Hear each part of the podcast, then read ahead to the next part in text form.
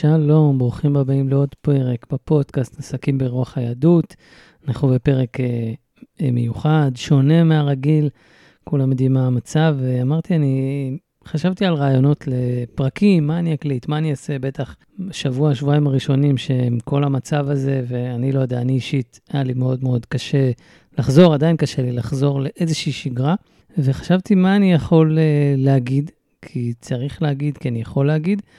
ובאמת עלה לי הרעיון שיש לי, מה שנקרא, את הרצאת הדגל שלי, שנקראת עסקים עם אלוקים, שבה אני מביא 15 דברים, בהתחלה זה היה עשרה הרגלים רוחניים, אחרי זה זה הפך ל-15, ולאט לאט אני גם מוסיף עוד, צריך עוד לעדכן את זה, של דברים שאדם יכול לעשות כדי להשפיע על הפרנסה שלו בצורה, נקרא לזה, עקיפה, מעבר להשתדלות, דברים, איך שבן אדם ינהג, הרגלים רוחניים שמשפיעים על השפע. ואמרתי, אני מביא את זה בדרך כלל לכיוון הפרנסה, אבל זה תקף לכל דבר, ובטח עכשיו כרגע לעזרה, לניצחון, להשפעה על העם, ועסקים עם אלוקים, אולי העסק הכי הכי חשוב והכי גדול שיש לנו, זה המדינה שלנו, שהיא נס בפני עצמו, 75 שנה. לפני זה היינו, שואה שעברנו, ו... היינו בתפוצות כל העולם, ובחיים לא היה לנו צבא לפני זה, עד, כלומר עד הגלות שלפני אלפיים שנה, והיום יש לנו צבא ומדינה והכול, ובזכות זה יש לנו עסקים. כאילו, לפני זה היינו יכולים לפתוח עסק, לא יודע, בגלות, יום אחד אומרים לנו, אתם מגורשים מפה וביי. ואם יש עסק מעל הכל שצריך לטפח אותו, זה את המדינה שלנו, וזה נעשה היום בצורה מעוררת השראה בהתנדבות ודברים אה, נוספים.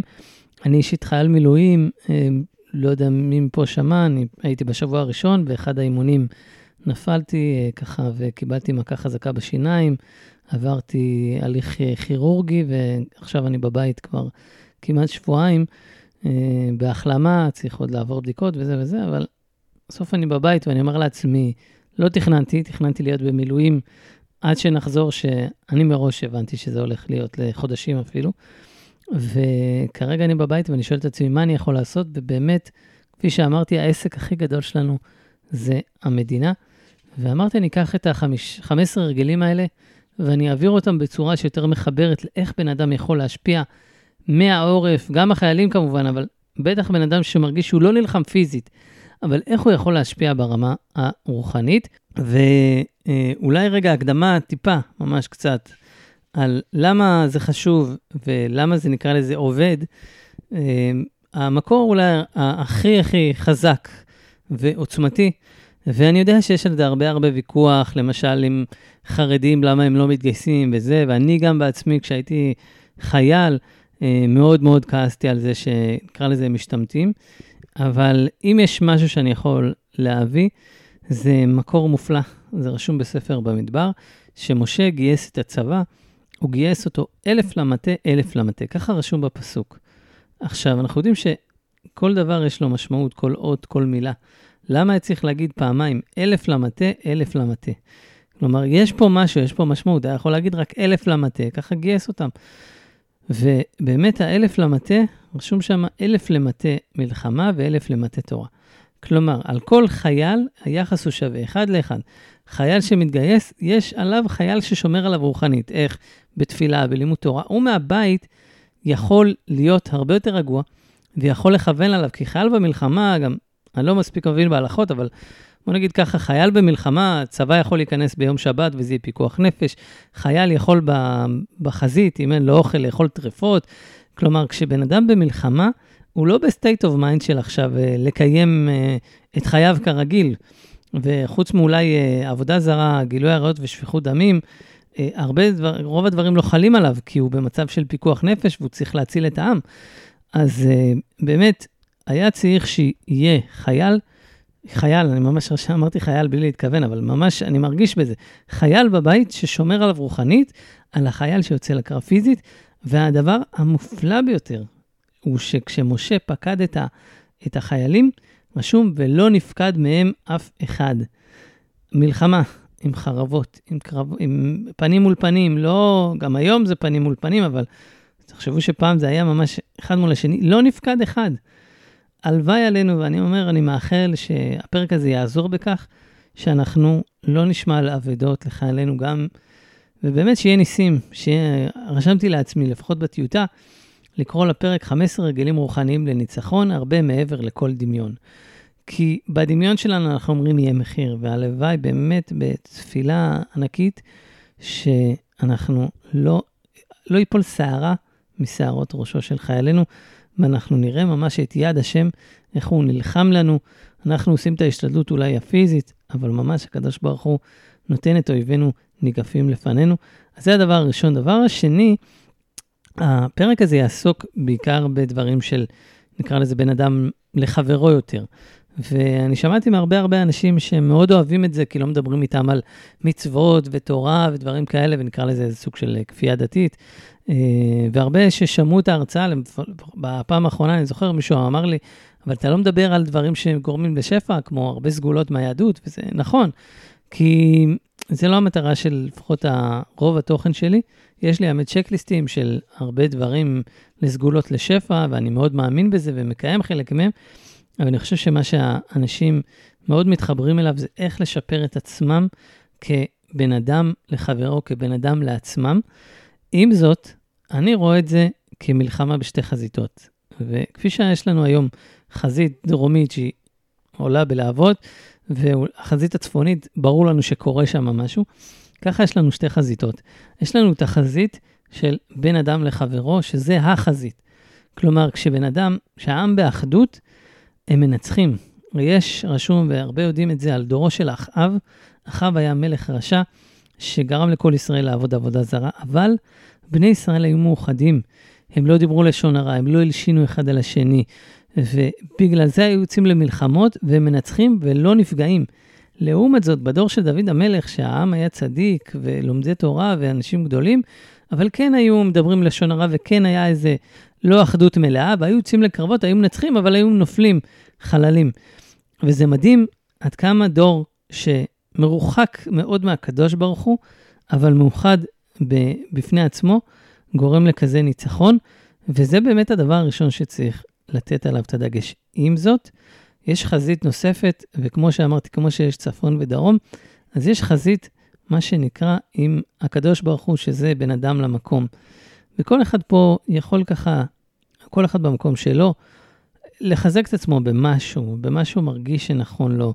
וכל אחד פה יודע מה הוא צריך uh, להתחזק בו. אני לא ארחיב מעבר לזה, אבל אני כן אגיד שאם כמה שאנשים אומרים זה רק בין אדם לחברו, זה נכון ולא נכון, יש הרבה עניינים של בין אדם למקום, כדי שבאמת הקדוש ברוך הוא ירגיש שאנחנו רוצים אותו כמלך עלינו, שהוא ינצח לנו את המלחמות, שנמאס לנו מההנהגות האישיות, ואפשר ממש לראות את זה, מישהו רשם, מאוד אהבתי את זה, הוא אומר, אנחנו עם גדול עם מנהיגים קטנים. ואולי הסיבה לכך, אולי, אפשר לדעת, כן? אבל אולי הסיבה לכך היא כי הקדוש ברוך הוא אומר, זה הזמן שאני רוצה שאתם תבחרו בי ולא בבשר עבדה, וכשתבחרו בי, אני גם אדאג להביא את מלך המשיח ואני אדאג לעשות לכם ניסים גדולים. ואחד אולי המשפטים המוכרים שלי זה ש... מה ההבדל בין שיווק רוחני לשיווק קלאסי? שבקלאסי מגבירים מאמץ, אם משהו לא עובד, אז עושים עוד פעולות ועוד כסף ועוד השקעה באמת בפיזי, וברוחני מגבירים אמונה. ואולי מה ההבדל בין ניצחון רגיל לבין ניצחון מעל הטבע? זה שבניצחון רגיל, אז אומרים, יאללה, בוא נביא עוד uh, צבא ועוד uh, ביידן עם uh, כל הצי המטוסים שלו, שזה נהדר ויפה, אבל זה רק להגביר מאמץ. ובניצחון באמת מעל הטבע מגבירים את הפעילות הרוחנית שלנו. אומרים, יש לנו צבא מספיק חזק, אנחנו יכולים לצאת עם מה שיש, כי הקדוש ברוך הוא נלחם לנו, ואנחנו לא צריכים להמון צבא, יש סיפור מאוד מוכר בספר שופטים, זה נקרא 300 המלקקים. אני ככה לא פתחתי את זה, אז אני לא זוכר בדיוק את הזה, אבל כשאחד השופטים יצא למלחמה, הוא יצא עם צבא שכבר מראש הוא דילל אותו והגיע לעשרת אלפים איש. ואז הקדוש ברוך הוא רצה להראות מה הכוח ומה הנס שהוא הולך לעשות, והוא אה, בעצם אמר, זה עדיין צבא גדול, אני צריך סינון נוסף, נוסף ו, וכשהחיילים הלכו לשתות, אז היו כאלה ששתו, שכלומר לקחו נגיד מהממייה שלהם או מאיזה כלי, לקחו מים ואז שתו ממנו, והיו כאלה שפשוט ליקקו כמו כלבים, הלכו למים ושתו ככה ממש מה שנקרא באטרף מהמים, בלי, בלי איזה אמצעי. והיו מתוכם 300 איש, וזה היה הצבא שהיה לאותו שופט, ועם 300 איש הצבא הזה ניצח ניצחון גדול, וזה רק להראות לנו שכשהקדוש ברוך הוא איתנו, לא צריך צבא ענק, ולא צריך להפחית את האויבים שלנו עם צבא ארצות הברית, אלא להגיד, אנחנו ננצח עם הצבא שלנו, כי הקדוש ברוך הוא איתנו. אז הקדמה ככה יחסית אה, קצרה, בואו נצלול ל-15 הרגלים רוחניים לניצחון מעל, מעבר לכל דמיון. הדבר הראשון, וזה פרגון. וכשאני אומר פרגון, אז בדרך כלל אני מביא את זה בהקשר העסקי של אין אדם נוגע במוכן לחברו. ולמה זה? כי אנשים מרגישים שיש מתחרים וזה, בעצם אני אומר, לפרגן. לכל אחד יש את השפע שלו. ואם אנחנו כרגע מדברים על, אה, באמת על המצב שאנחנו נמצאים בו, אז אנחנו רוצים אחדות.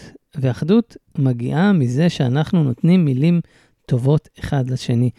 אז אנחנו גם נדבר על הסליחה בהמשך, אבל למשל, כרגע רואים פוסטים שנראים עם דעות מסוימות שאנחנו לא לגמרי מקבלים אותם, אז תמיד לזכור שהדברים עכשיו נכתבים מאיזה כאב עצום, מרגש עצום, ולנסות ובאמת לראות את הטוב בדבר הזה. אבל בטח כשרואים משהו שאנחנו אוהבים, לפרגן ולתמוך, ועכשיו לפרגן, יש לנו המון אנשים שצריכים uh, תמיכה ברמת השכול, ובאמת, הפרגון והעזרה, ואנחנו רואים את זה, האחדות הזאת, היא מה שמייצר את הלכידות, והיא מה שמביאה לנו להצלחה. אנחנו רואים את זה בגשמי, איך באמת, העם שלנו נתרם, וזה מחמם את הלב. וברוחני, כשהדברים האלה מתקיימים, אז גם הקדוש ברוך הוא אומר, אתם דואגים אחד לשני, אני כאבא, כמלך שלכם, אדאג לכם. אז לפרגן, אני חושב שאת זה אנחנו עושים פה היום בצורה מדהימה. פשוט להמשיך עם זה, ובטח ובטח להמשיך עם זה גם בזמנים שלא בעיתות מלחמה. הדבר השני זה תודה. רשום, בואו שעריו בתודה. השערים נפתחים כשבן אדם מודה. ותודה זוהי תחושת מלאות, אוקיי? כשבן אדם בהודיה, ולפעמים זה מאוד מאוד קשה, בטח בימים הראשונים של מה שחווינו, אבל ממש לראות את מי שלמשל אני עכשיו, האמת, כל יום שאני עם הילדה שלי, ומחבק אותה ומשחק אותה ו- ומשכיב אותה לישון, וכמעט כל יום אני מוצא את עצמי בוכה, למשל שהיא נרדמת, ואני אומר, איזה תודה שהיא לא חוותה דברים כאלה. איזה תודה שיש לי אותה. ו- וכמובן, בא- באותו רגע גם מתפלל שהחטופים, ובטח הילדים הקטנים המסכנים האלה, פשוט נלקחו, וזה פשוט מצמרר רק לחשוב מה הם עוברים שם. ומי שיש לו ילדים, ילדים יודע מה זה נפש של ילד קטן. אה, כמובן גם על המבוגרים יותר, אבל המבוגרים יותר אולי באיזה הבנה מסוימת ועם יותר מודעות, אבל פשוט לקחת ילדים זה, זה נורא ואיום. ועדיין בכל הדברים האלה שעברנו, למצוא את המקום להגיד תודה על מה שיש כרגע, על מה שהיה לנו עד היום, וזה הדבר השני. הדבר השלישי, וזה המשך של תודה, זה הכרת הטוב. והרבה פעמים שואלים אותי, מה ההבדל בין תודה להכרת הטוב? אז תודה היא הרבה פעמים דברים שהם אה, או קרו לנו עכשיו, או קורים לנו בדרך כלל, אבל משהו שנקרא לזה יותר על, ה, על ההווה, ההווה פלוס עתיד. הכרת הטוב היא סוג של על העבר. אנחנו מכירים טובה על כל מה שהיה לנו עד היום. למשל, יש הכרת הטוב מאוד מאוד גדולה, עוד מעט ניגע גם בגמילות חסדים וכיבוד הורים, אבל הכרת הטוב להורים שלנו, לא על עכשיו, אלא על מה שהיה איתנו כילדים. הכרת הטוב למחנכים שלנו. הכרת הטוב היא הרבה פעמים הולכת אחורה, והיא באיזה הכרת טוב מאוד מאוד חזקה על מה שכבר היה. יש סיפור אה, על, אה, על הרב אה, עובדיה יוסף, עליו השלום, שהוא היה אה, אחד הדיינים במצרים, כשהוא היה מאוד מאוד צעיר, והתנכלו אליו, לא אהבו אותו. אתם מכירים מה זה יהודים שלא אוהבים איזושהי סמכות מסוימת, אז עושים לו את, את, ממררים את חייו. והיו כמה אנשים שכן תמכו בו. והוא מספר, אחרי כמה שנים הוא חזר לארץ, ובאמת לאט לאט נהיה באמת הרב שהוא גדול, וכולנו מכירים אותו, אין אחד היום שלא שמע עליו, ו... אבל בהתחלה הוא לא היה ככה. והוא זכר טובה לאותם אנשים עד סוף חייו. מספרים שאחד האנשים שתמכו בו במצרים, כשכולם נגדו, תחשבו, זה מצב קשה זה, שכולם נגדך ויש כמה שכן תומכים בך. והוא התקשר אה, להזמין את הרב לשיעור אצלו, והרב באותה תקופה כבר היה מפורסם, והיה מי שיענה בשמו, והוא באמת היה עסוק. ואותו בן אדם אמר לו, תעביר לי את השיחה, את, את הרב, כאילו, אני רוצה שתעביר, הוא אומר, הוא לא יכול, הוא לא זה, הוא אומר, תשמע, אני אומר לך, יכול להיות שהוא גם לא נהג כשורן לגמרי, הוא ניצל את הכרת הטוב הזה, אבל הוא אומר לו, אם הרב ידע שאני התקשרתי ולא נתת לי לדבר איתו, הוא מאוד מאוד יכעס, הוא שמע את זה, הוא העביר את הרב, והרב באמת, שישר קיבל את השיחה והלך לאותו בחור להעביר שיעור. הוא אומר, יש לי הכרת הטוב אליו, זה 50 שנה, כן? אבל יש לי הכרת הטוב למה שהוא עשה לי עד סוף חיי. וזה באמת הכרת הטוב. בואו נדבר מה זה ההשפעה המאוד מאוד גדולה. רשום בספר משלי, משיב רעה תחת טובה, לא תמוש רעה מביתו. תחשוב, איזה דבר מטורף, איזה פסוק, רק מהפשט שלו. אדם שמשיב רעה תחת טובה, לא תמוש רעה מביתו. ואדם כפוי טובה זה העוון הכי חמור אצל הקדוש ברוך הוא. אני אביא לכך כמה מקורות מאוד מאוד חזקים. שיוסף ניצל מלאכתו עם אשת פוטיפר, הוא אומר ככה, איננו גדול בבית הזה ממני, ולא חסך ממני מאומה כי אם אותך באשר את אשתו, ואיך אעשה הרעה הגדולה הזאת, וחטאתי לאלוקים. כלומר, רגע לפני שהוא חוטא, איך הוא, הוא מסביר למה הוא לא צריך לחטוא? הוא אומר, איך אני אעשה לבעל הבית שנתן לי הכל, דבר כזה נורא, איך אני אעבור על הכרת הטוב כלפי אותו אדם? אה, וגם, וחטאתי לאלוקים. כלומר, הסיבה הראשונה היא הכרת הטוב. הסיבה השנייה היא חטא לקדוש ברוך הוא. כלומר, זה אה, פשוט מטורף. עוד דוגמה, יש לי פה כמה דוגמאות, אבל כדי לא להאריך, עוד דוגמה, מה קשה מרצח? כפוי טובה. רשום בפסוק, ולא זכר יואש המלך החסד אשר עשה יהוידע אביו אמו, ויהרוג את בנו. יואש היה, אה, בעצם אה, הסיפור שלו הוא שסבתא שלו רצתה לשלוט, אז מה היא, היא עשתה? היא הרגה את כל המלוכה, היא הרגה את כל האחים שלה, הם היו שבעה אחים כמדומני, היא הרגה את כולם ורק את יואש הצליחו להבריח, ואיפה החביאו אותו? בקודש הקודשים. קודש הקודשים זה מקום בתוך המקדש שרק הכהן גדול היה נכנס אליו, וגם אז זה יכול למות, מקום מאוד מאוד קדוש, והוא חי שם שבע שנים, כמתינוק עד שהוציאו אותו ואחרי זה המליכו אותו.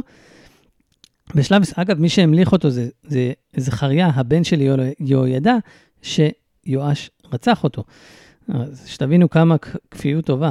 ובעצם מה, מה שהיה, את המלך יואש, אמרו, תשמע, אתה, אתה, אתה חצי אלוקים. אם שרדת כל כך הרבה זמן מקודש הקודשים, סימן שאתה מלאך. והיללו אותו ושיבחו אותו, והוא התחיל, מה שנקרא, לקבל את חטא הגאווה, והתחיל לעשות חטאים, וזכריה בא והוכיח אותו, והוכיח והוכיח, עד שבאיזשהו שלב נמאס לו, והוא הרג אותו. ובעצם זכריה היה הבן של יהוידע, ויהוידע הוא זה שהציל את יואש. אז כאילו, רק להגיד כמה לא, והפסוק אומר, ולא זכר יואש המלך את, המלך את החסד אשר עשה ויהרוג את בנו. כלומר, קודם כל היה כפוי טובה, אה, אחרי זה הוא גם רצח אותו. ובאמת, הכרת הטוב היא מושג מאוד מאוד חזק ביהדות, ובטח בימים אלה אנחנו יכולים לעשות אה, חיזוק בתוך הדבר הזה, ולראות איך אנחנו יכולים להכיר טובה לאנשים סביבנו, בטח לאנשים שאולי אה, שכחנו, אולי כבר הפסקנו להכיר להם טוב, טובה, ולחזק את זה, ובזכות הכרת הטוב גם נזכה למה שאמרתי, הרגל רוחני שיביא לנו ניצחון מעל הטבע. הדבר הרביעי זה כיבוד הורים וגמילות חסדים. רשום אלו דברים שאדם אוכל פירותיהם בעולם הזה, והקרן קיימת לו לעולם הבא, כיבוד, כיבוד אב ואם וגמילות חסדים. באמת, יש שכר שאי אפשר בכלל להבין אותו, וזה על ידי מצוות כיבוד הורים, ובכלל על ידי כל מה שקשור לגמילות חסדים. אז בימים אלה, אגב, אומרים חז"ל, מה יעשה אדם וינצל ממלחמת גוג ומגוג? עכשיו, אני, אני שומע הרבה אנשים שאומרים שזה תחילת מלחמת גוג ומגוג, אני לא יודע, אני פחות נכנס לדברים האלה, אבל בואו נגיד וכן. אז מה יעשה אדם וינצל בואו נגיד בכלל ממלחמות, שינצל בכלל, יעסוק בתורה ובגמילות חסדים. אז כמה בן אדם צריך, כמה הדבר הזה של גמילות חסדים, זה דבר מאוד מאוד חזק. ובאמת גם רשום, מה השם אלוקיך דורש מעמך? נאמר, עשות משפט ואהבת חסד. כלומר, לא רק לעשות חסד, לא רק לגמול חסדים, אלא לאהוב את הדבר הזה של חסד. היום אפשר באמת, הזכרנו, לבוא ולעזור לאנשים שפינו את בתיהם, לעזור לאנש, לחיילים שלנו, ובכלל לעזור לאנשים, אנשים בחרדה, אנשים במצוקה. מילה טובה, עזרה, תמיכה, הדברים האלה יכולים לעשות כל כך הרבה. אי אפשר לשפוט אה, בן אדם שפשוט נכנס לחרדה מהמצב, כל אחד מגיב לזה בצורה אחרת, בטח אנשים שעברו את התופת שהם עברו, ובאמת להיות שם ולתמוך ולעזור, זה דברים שאי אפשר להבין אותם, ואם יש איזו גמילות חסדים שאפשר לעשות בתקופה הזו בקלות, זה זה. הדבר החמישי זה צדקה. ובאמת, אנחנו יודעים כמה צדקה, צדקה פותחת שערי שמיים, אבל אנחנו גם יודעים שצדקה תציל ממוות. ואגב, אם יש משהו להגיד לחיילים שנכנסים לתוך החזית, זה באמת לשים צדקה כל יום, כמה, אפילו כמה עשרות אגורות. אה, אני שמעתי שאם מישהו אמר שהעביר את זה, שחיילים ששמו חמישה שקלים בנעל במלחמת צוק איתן, אה, איזה רב אמר את זה ל-700 חיילים בערך, ו-700 מהחיילים האלה לא נפגעו. אה, זה נקרא שלוחי מצווה, אדם ששם כסף ואומר, אם אני אנצל, אני אשים את הכסף הזה לצדקה. זה מה שנקרא צדקה תציל ממוות. אה, אבל גם אנחנו יכולים לתרום צדקות ולעשות ותרומות ומה שצריך ולעזור לאנשים שאיבדו את הבית. ובאמת, כל המקיים נפש אחת מישראל כאילו הציל עולם ומלואו. יש סיפור אה, בגמרא, אני אקריא את הסיפור, ככה זה במסכת בבא בתרא, אה, זה בתרגום של הסיפור. רשום, אמרו עליו על בנימין הצדיק שהיה ממונה על קופה של צדקה. פעם אחת באה אישה לפניו בש, ב, בשנת בצורת ואמרה לו, רבי פרנסני. אמר לה, כאילו, אין לי כסף בקופה של הצדקה. אמרה לו, אם אתה לא מפרנסני, אני אישה ושבעת הבנים שלי, אני אמות. עמד ופרנסה משלו, כלומר נתן משלו כי לא היה בצדקה. לימים חלה ונתן למות. אמרו מלאכי השרת לפני הקדוש ברוך הוא, ריבונו של עולם, אתה אמרת כל המקיים נפש אחת מישראל, כאילו קיים עולם ומלואו. ובנימין הצדיק שהחיה אישה ושבעת בניה בשנים מועטות הללו, כלומר, ימות בגלל, בשנים מועטות, כלומר, הוא לא היה אה, כנראה זקן באותו זמן, מיד קראו לו גזר דינו והוסיפו לו 22 שנה על שנותיו. ובאמת רק, רק מזה אפשר לראות כמה צדקה תציל ממוות.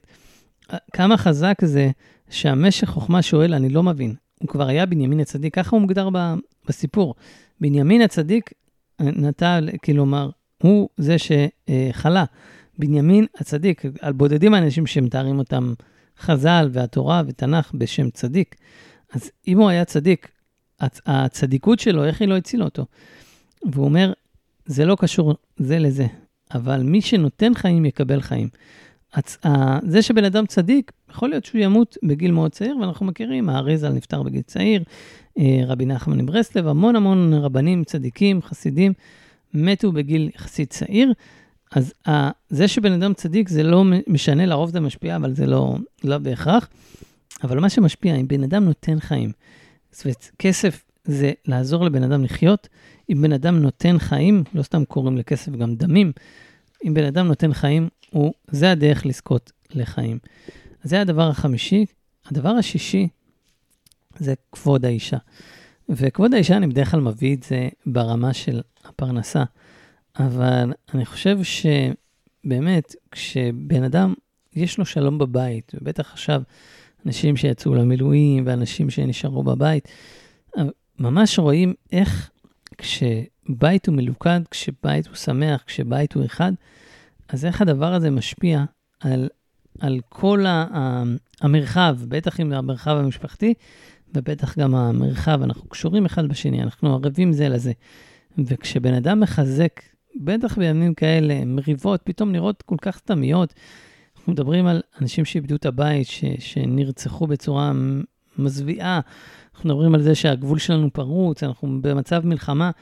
עכשיו להתעסק עם קטנות זה לא הזמן, עכשיו זה הזמן לעשות שלום בבית, ובעזרת השם, השלום הזה בכל בית, גם נזכה לניצחון, אני לא אומר לשלום, בטח לא כרגע, אני לא חושב שצריך לעשות שלום עם מרצחים, אבל כן לזכות לניצחון מאוד גדול, וכן יהיה בסוף שלום בגבולות שלנו, כי לא כי הם לא רוצים להילחם בנו, נראה לי, אבל כי כמו שהקדוש ברוך הוא אומר, וחרב לא תעבור בארצכם, אני אדאג לכם לשמירה, שאני שומר עליכם, גם אם האויבים שלכם לא ששים ומתים עליכם, אבל אני אדאג לשמור עליכם, ושהגבולות לא ייפרצו, ושכן יהיה שלום ולא תהיה מלחמה בארץ. אז זה היה הדבר השישי, איך לגרום ללכידות משפחתית שתביא לשלום בכל הארץ. הדבר השביעי, וזה שמחה. ובטח ובטח קשה קצת, אה, בתקופה הזאת אולי לאט לאט ככה חוזרים טיפה לאיזושהי שמחה, אבל עדיין, אנחנו שומעים את, ה, אה, את הסיפורים, אנחנו רואים את המראות, וזה מאוד מאוד קשה, יש אפילו תחושה כזאת של מה עכשיו אני אהיה שמח, זה לא בסדר, אני לא... איך אני יכול לעשות את זה? אנשים עברו כזה שואה, ממש שואה, ואני פה אהיה שמח, אז יכול להיות אולי לא, מה שנקרא שמחת הוללות, לא מסיבות ודברים כאלה, אבל כן למצוא את המקום הזה של לשמוע שירים שעושים טוב על הלב, לעשות, שמח, בטח ל, על החיילים, למילואימניקים, אה, לעשות שמח לאנשים שכרגע אה, זה, זה מה שיש להם. ולהוציא אותם מכל הדיכאון הזה, ושוב, אני לא מדבר על אה, מסיבות עכשיו שלושה ימים של שיכרון חושים. שמחה טהורה, שמחת הלב, אולי זה גם מה שאנחנו צריכים לזכור, שזה השמחה. ועוד סיפור מהגמרא שמדבר על זה, הוא אומר ככה, רבי ברוקה שהה בשוק, והוא פגש את אליהו הנביא, הוא ביקש לדעת מאליהו הנביא, האם ישנם אנשים הנמצאים כעת בשוק שמובטח להם גן עדן. אליהו הנביא השיב לו בחיוב, הוא הצביע לשני אנשים שעברו שמה. הוא אומר לו, לאנשים האלה יש חלק בעולם הבא. אז מיהר רבי ברוקה אחריהם, הוא שאל אותם מה עיסוקם. והוא, ואמרו לו, אנחנו בתכנים, אנחנו שמחים בעצמנו ואנחנו הולכים לשמח אחרים. וכל פעם שאנחנו רואים אנשים עצובים, אנחנו משמחים אותם, וככה מוציאים להם את הרוח הלא טובה שנמצאים, גם משום שהם גם, אם יש שני אנשים שהם רבים, אז הם גורמים לשלום ולשמחה לחזור ביניהם. ובאמת, שמחה היא, היא ממש מה שמביאה אדם לגן עדן. ושמחה זה עניין של בחירה, גם בחירה אישית, האם לקחת את המצב הזה ולצאת ממנו יותר חזק, או לקחת גם אחרים למקום הזה שאנחנו הגענו אליו, או להגיד, תשמעו, זה מה שקרה ועכשיו צריך להיות בעצבות הרבה זמן. אנחנו יודעים שגם באבל, בן אדם אומרים שלושה ימים לבכי, אה, עוד אה, ככה את כל השבעה להספד, אולי אני טועה בזה, אני לא זוכר, אבל יש זמן לאבל, כלומר גם ואחרי השלושים, אה, יש תקופות, ממש תקופות, שאומרים לבן אדם, תשמע, זה הזמן להיות באבל, אבל גם יש זמן, מה שנקרא, להתחיל לצאת מזה ולהתחיל לחזור לחיים וגם לשמוח, כי זה הגלגל שיש לנו, וזה זה מה שאנחנו צריכים ממש לעשות פה, לשמוח בעצמנו, לשמח אחרים, וזה מה שיביא לנו, זה הרגל רוחני שיביא לנו את ההשפעה המאוד מאוד חזקה, הן בגשמי, שבן אדם שמח, אז הוא, שנקרא אולי יוצא לקרב בצורה הרבה הרבה יותר טובה, אני מדבר על זה, עושה עסקים בצורה יותר אה, נעימה, ומדבר בטלפון בשמחה, אבל כרגע אנחנו לא מדברים על עסקים, אנחנו מדברים יותר על מצב של מלחמה. אז גם חיילים שהם יוצאים עם רוח קרב, אה, מי כמוני יודע, זה עושה את כל ההבדל, ובטח בטח ברמה הרוחנית, לקבל את השמחה הזאת של, של הבן אדם עצמו ושל כל עם ישראל, ממש המלאכים שומרים על אנשים שיש להם שמחה. אז זה הדבר השביעי. הדבר השמיני זה לשון הרע, ואם אנחנו מדברים פה על אחדות, לשון הרע, וציינו את, את מה שאמרתי על הדור של אחאב, שלא היו מדברים לשון הרע והיו מנצחים, ואף אחד לא היה נהרג במלחמות. לשון הרע זה אחד הדברים שהכי הכי מחריבים אותנו, וחז"ל אומרים לשון הרע יותר גדול משפיכות דמים, מעבודה זרה וגילוי עריות. כמה הדבר הזה פוגע בנו, פוגע בנו באחדות שלנו, פוגע בנו בקשר עם הקדוש ברוך הוא. אז באמת, אם יש תקופה, ואני חושב שרוב האנשים מדברים על זה היום, לשים את המלחמות בצד, לא לדבר כרגע, לא להתעסק ברכילויות ולשון הרע, פשוט להיות באחדות, וכמובן, בעזרת השם, שגם הדברים האלה ילכו איתנו לשנים קדימה. אז לשון הרע, כמה הדבר הזה פוגע, וההפך, כמה לא לדבר ו- וכן למנוע את הדברים האלה, מייצר לנו את השמירה הרוחנית. הדבר התשיעי, זה לבקש ולהתפלל על אדם אחר ובכלל תפילה. רשום בגמרא, כל המבקש רחמים על חברו, והוא צריך לאותו הדבר, הוא נענה תחילה. כלומר, כשאדם מקדיש כמה דקות, ל... והיום לא חסר להתפלל על החולים שלנו, להתפלל על השבויים שלנו, להתפלל על אחרים, אנחנו, רוב העם לדעתי צריך היום להתפלל עבור אחרים, אבל אנחנו יודעים שהמבקש רחמים על חברו, הוא נהנה תחילה. אז כלומר, נכון, ביקשתי רפואה על כל החולים של עם ישראל ועל החיילים ועל שמירה עליהם והחזרת השבויים, אבל בעזרת השם שגם זה יגרום לי, לי, או אם אני לא לגמרי בריא, להירפא, או אם אני בריא, לשמור על עצמי, מה שנקרא רפואה מונעת, תתפלל על מישהו שיהיה אה, בריא, ככה תגרום לעצמך להיות בריא בעצמך. ותפילה בכל דבר, באמת, אם יש זמן שתפילה זה מדי רבנן, אוקיי? נאמר, ונשלמה פרים שפתנו, כלומר, במקום הקורבנות, אנחנו מחליפים את זה בתפילה, איזו עבודה שבלב זוהי תפילה. אז אפשר למחלוקת על זה, אבל יש אומרים שזה מדי רבנן, יש אומרים שזה ממש מדאורייתא, שזה מחליף את הקורבנות. עם זאת, במצב של מלחמה, במצב של צרה, אז התפילה היא הופכת להיות דאורייתא ממש. הרמב"ם, אני לא זוכר בדיוק מה הוא רושם שם, אבל הוא אומר שהתפילה הכי הכי טהורה, הכי הכי חזקה, זה כשבן אדם נמצא בצרה. אז אם יש זמן ל- להתפלל עוד יותר ולקרוא תהילים ולעשות את הדברים ששומרים עלינו, אני חושב שמדברים פה על אה, מלחמות וצבאות וזה, אם יש נשק שיותר חזק מאטום, זה התפילה. או זה אחד הפוסטים שאני רוצה להעלות כבר כמה ימים, זה תמונה שלי כשצילמו אותי בזמנו במילואים עם תפילין, ולרשום, זה הנשק הכי חזק בעולם, וזה באמת, צריך. אתם יודעים, לפעמים בן אדם רושם או מעלה או, או זה, והוא אומר, זה נחמד. אבל באמת, כשאנחנו מבינים כמה תפילה היא חזקה, כמה תפילה משפיעה, כמה כל החיבור הזה לקדוש ברוך הוא במצוות, בכל מי שאנחנו כעם, הדברים האלה חזקים, ובאמת מתחברים אליהם, אז נרגעים, ואז גם אפשר להיות יותר בשמחה ופחות בעצבות ובחרדה. האמונה היא באמת דבר מדהים, וכל הפעולות הרוחניות שמתחברות לאמונה ולקדוש ברוך הוא, זה באמת הכוח שלנו כעם. הדבר העשירי, זה כל מה שקשור להלנת שכר והלוואות.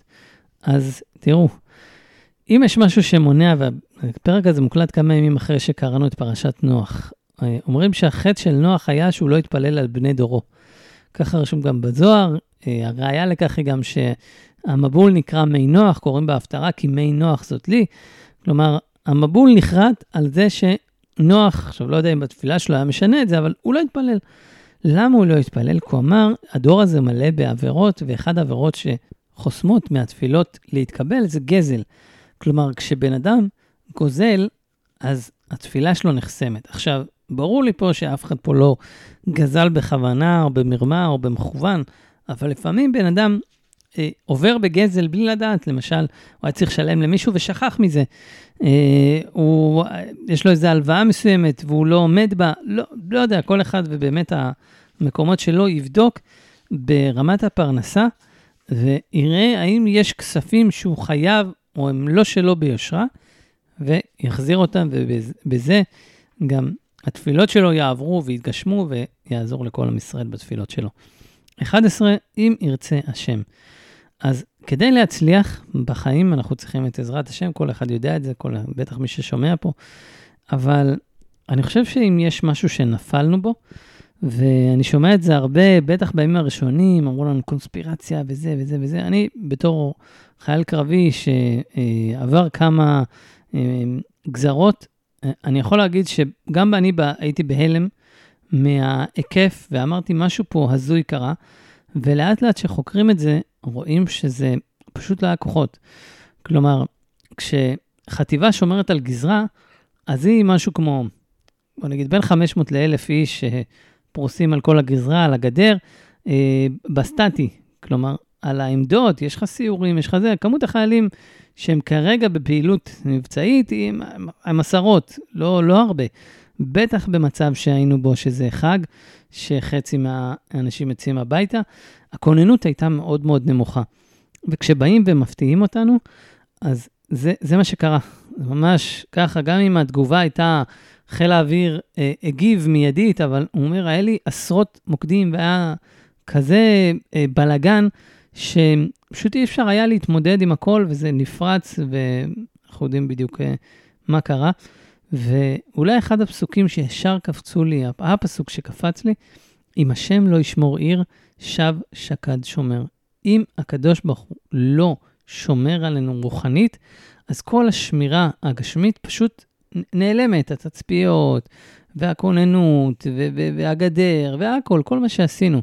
ומישהו אמר, אני לא זוכר, אולי רבש"ץ של אחד היישובים, הוא אומר, הטכנולוגיה נפלה, אבל הבן אדם בסוף ניצח. כלומר, אנחנו בנינו על זה שהדברים והטכנולוגיות וה... מה שנקרא, הגדר, איך הוא הגדיר את זה, אני מנסה להיזכר במילים המדויקות, כי הן מאוד חזקות, הוא נראה לי אמר, הגדר הטכנולוגית נפרצה, הגדר האנושית לא נפרצה. כלומר, בסוף זה האדם שצריך למנוע את זה.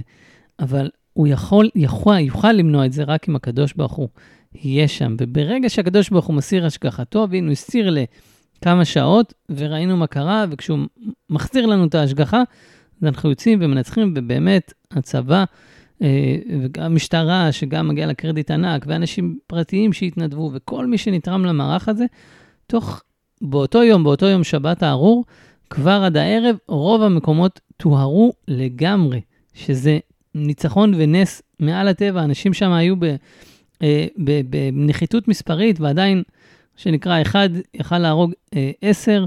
כלומר, כשהמכת הפתע הזאת הופסקה, והבנו באיזה מצב אנחנו, תוך כמה שעות, בעזרת השם, השתלטנו.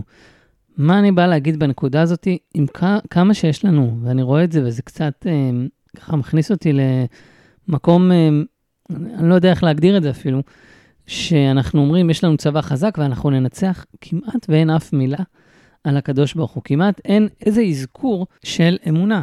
ואפילו, אה, באותו זמן הוא היה מח"ט גבעתי במבצע צוק איתן, קוראים לו עופר אה, וינטר, עמותת אלוף היום לדעתי, והוא הוציא דף לחיילים שלו, שהוא דיבר על רוח הקרב וזה וזה, ובין הד... בדף הזה, שרוב החיילים ורוב המפקדים עפו עליו ונתן להם כל כך רוח גבית, הוא נתן איזה כמה פסוקים מהמקורות שלנו, ואחרי זה יצאו עליו ואמרו לו, אתה לא תהפוך את הצבא שלנו לדעת, ומה הבאת את זה, וזה לא קשור, וזה לא רוח צה"ל, למרות שכולם אהבו את זה בחיילים שלו, ומפקד ברמה, אומרים שהוא המפקד אולי הקרבי הכי חזק היום בצבא, אבל זה שאנחנו בצבא יהודי, צבא של עם ישראל, לא מוכנים להזכיר את, את השם של הקדוש ברוך הוא, זה נראה לי הזוי ו- ולא הגיוני. והלוואי, ואני יודע שהעורף יותר חזק בזה, להזכיר את הקדוש ברוך הוא, להגיד, יש לנו צבא חזק, אבל בעזרת השם אנחנו ננצח. כלומר, זה לא מתנגש.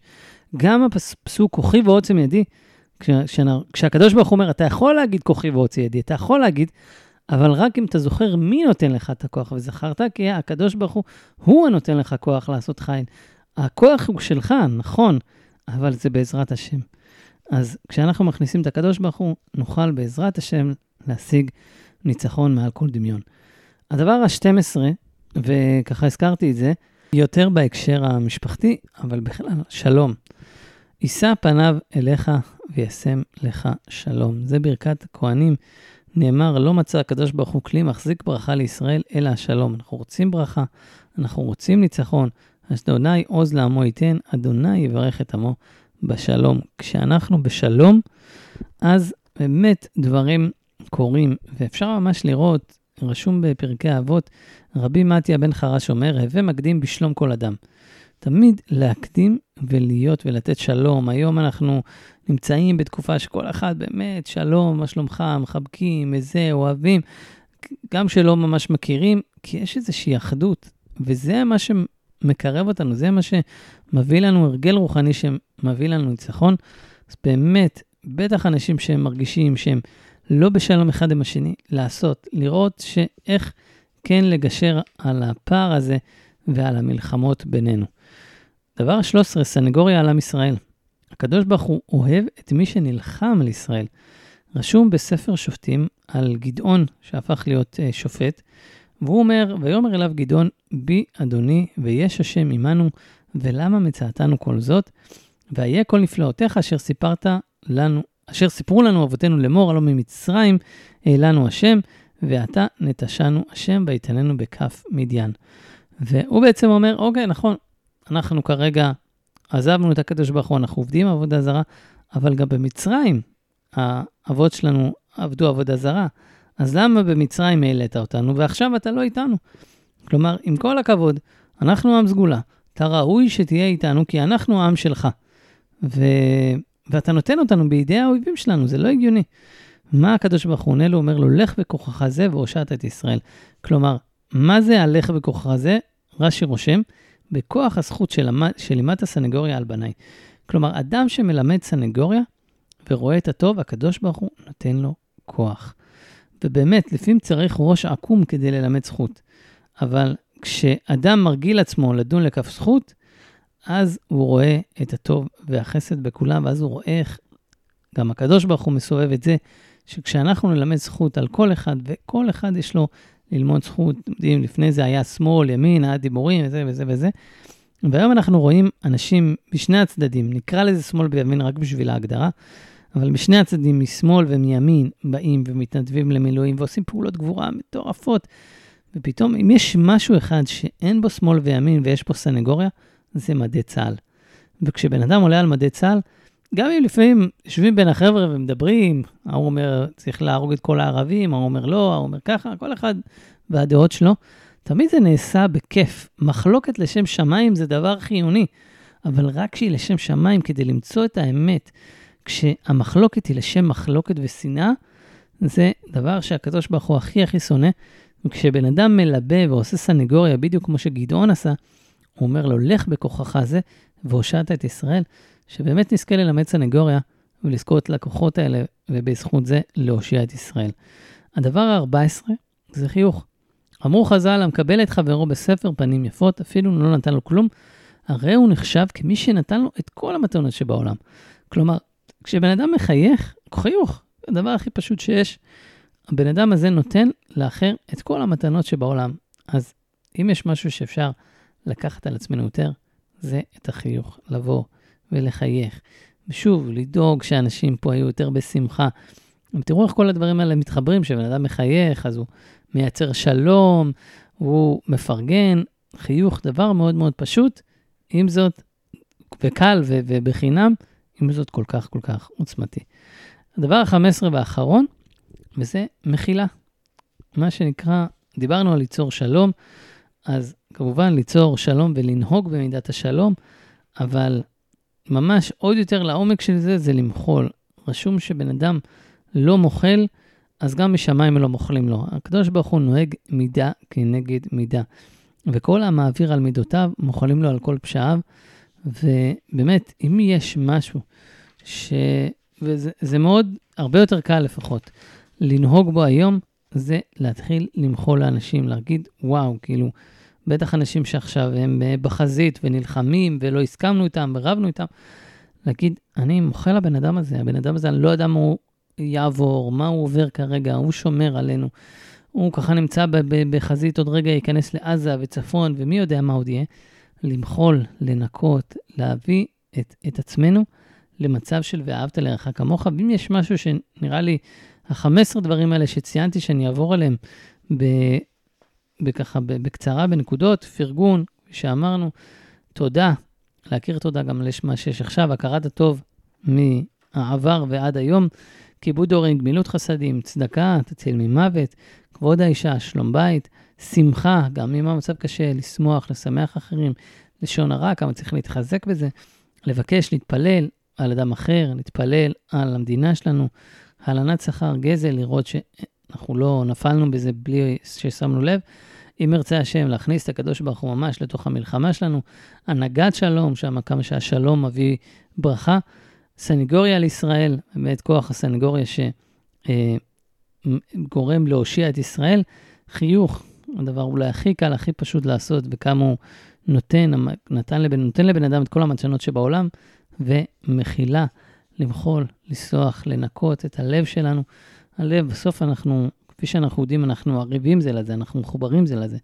כשבן אדם נמצא בערבות הדדית, הוא רוצה לדעת שלא אה, שונאים אותו והוא לא שונא אחרים, ויש שלום, ובאמת, אני, אני חושב, אני מאמין בזה בכל ליבי, שה-15 הרגלים האלה הם מה שיוכלו לתת שם בחזית את הכוח לניצחון, ובאמת שזה לא יהיה סתם ניצחון, שזה יהיה נס, נס גלוי, שאף אחד, בעזרת השם, מחיילינו לא ייפגע, והדברים ילכו חלק, כפי שהם מספרים, אה, אני לא זוכר באיזה מבצע שאחד המפקדים הבכירים אמר, נוע, נוע סוף.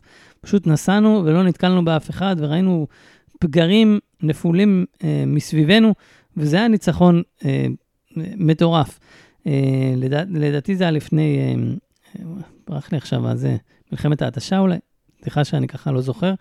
אה, אבל באמת שנזכה לראות את הניסים האלה מול אויבינו, שהשם יילחם לנו, אם יש משהו שאנחנו יכולים לעשות בעורף, זה 15 הרגלים האלה, וכל אחד גם מוזמן לצרף ולשלוח לי הרגלים נוספים כמובן, אבל לפחות זה ה-15 הרגלים שאני הגדתי כדי לזכות לניצחון במלחמה.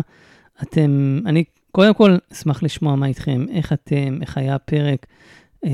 בבקשה, בבקשה, אני בדרך כלל לא עושה את זה, אבל תעבירו את זה לעוד אנשים. אני חושב שזה פרק מאוד מיוחד, ואין על לחתום מעיד על עיסתו, אבל פה אני כן אעיד על עיסתי. אני חושב שזה פרק מאוד מאוד מיוחד שיכול לקרב את עם ישראל ולעשות הרגלים ושלום ואחדות. ובאמת, באמת, אני פה אסיים שוב בתפילה אדירה לבורא עולם, שיהי רצון שכל חיילינו לא ייפגעו במלחמה, וכולם יחזרו ויהיה, כפי שנאמר בפסוק, ולא נפקד אף אחד, ואיתם כל שבויינו, מהתינוקות המסכנים, אנשים שאני לא יודע מה עובר עליהם שם, הגברים, אנשי הצבא ששבו, אי אפשר לדעת מה קורה בידי האויב. חז"ל אומרים שעדיף שאדם ימות בחייו ולא ייפול ב, בידי שונאיו, עד כמה הדבר הזה קשה. אז מפה נישא ברכה, שבאמת הקדוש ברוך הוא יעשה לנו ניסים מעל הטבע, ושנקרא, הבנו את הרמז, הבנו שאנחנו צריכים להיות עם אחד בלב אחד, ומפה והלאה אנחנו נשתפר ונעשה את התשובה שלנו, ונראה ניצחונות ושלום, ובעזרת השם גם שיגיע משיח צדקנו, במהרה בימינו ואמרו אמן.